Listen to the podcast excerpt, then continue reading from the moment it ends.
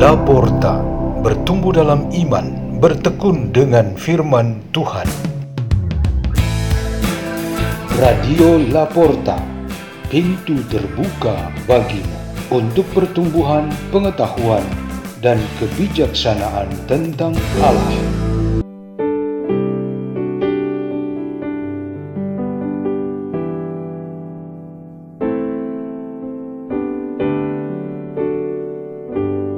Bacaan dan Renungan Sabda Tuhan Hari Senin, Pekan ke-15, Masa Biasa, 11 Juli 2022, Peringatan Santo Benedictus Abbas,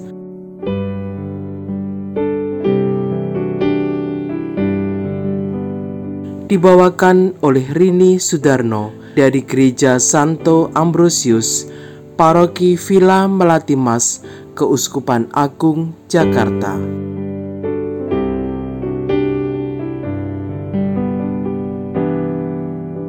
Inilah Injil suci menurut Matius. Pada suatu hari, Yesus bersabda kepada kedua belas muridnya, "Jangan kalian menyangka bahwa Aku datang untuk membawa damai di atas bumi." Aku datang bukan untuk membawa damai, melainkan pedang. Sebab aku datang untuk memisahkan orang dari ayahnya, anak perempuan dari ibunya, menantu perempuan dari ibu mertuanya, dan musuh orang ialah seisi rumahnya. Barang siapa mengasihi bapa atau ibunya lebih daripadaku, ia tidak layak bagiku Barang siapa mengasihi putranya atau putrinya lebih daripadaku, ia tidak layak bagiku. Barang siapa tidak memikul salibnya dan mengikuti aku, ia tidak layak bagiku. Barang siapa mempertahankan nyawanya, ia akan kehilangan nyawanya.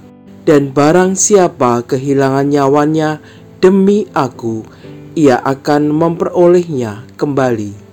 Barang siapa menyambut kalian, ia menyambut aku, dan barang siapa menyambut aku, ia menyambut Dia yang mengutus aku. Barang siapa menyambut seorang nabi sebagai nabi, ia akan menerima upah nabi, dan barang siapa menyambut seorang yang benar sebagai orang benar, ia akan menerima upah orang benar. Dan barang siapa memberi air sejuk secangkir saja kepada salah seorang yang kecil ini karena ia muridku, aku berkata kepadamu, sungguh ia takkan kehilangan upahnya. Setelah Yesus selesai mengajar kedua belas muridnya, ia pergi dari sana untuk mengajar dan memberitakan Injil di dalam kota-kota mereka. Demikianlah sabda Tuhan.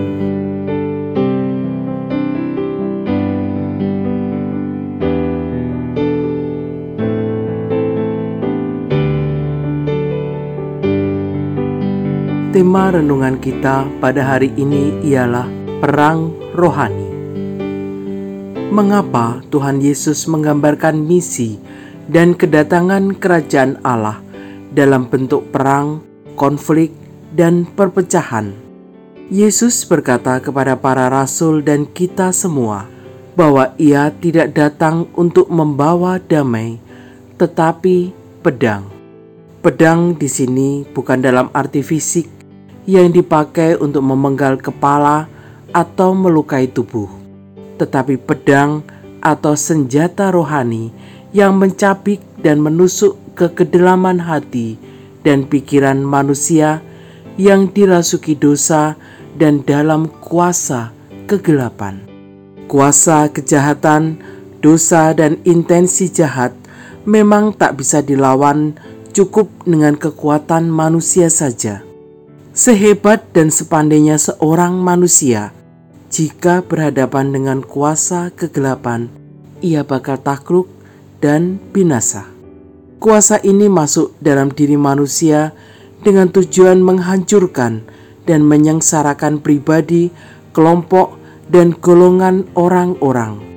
Ia tidak pandang bulu atau memilih-milih orang.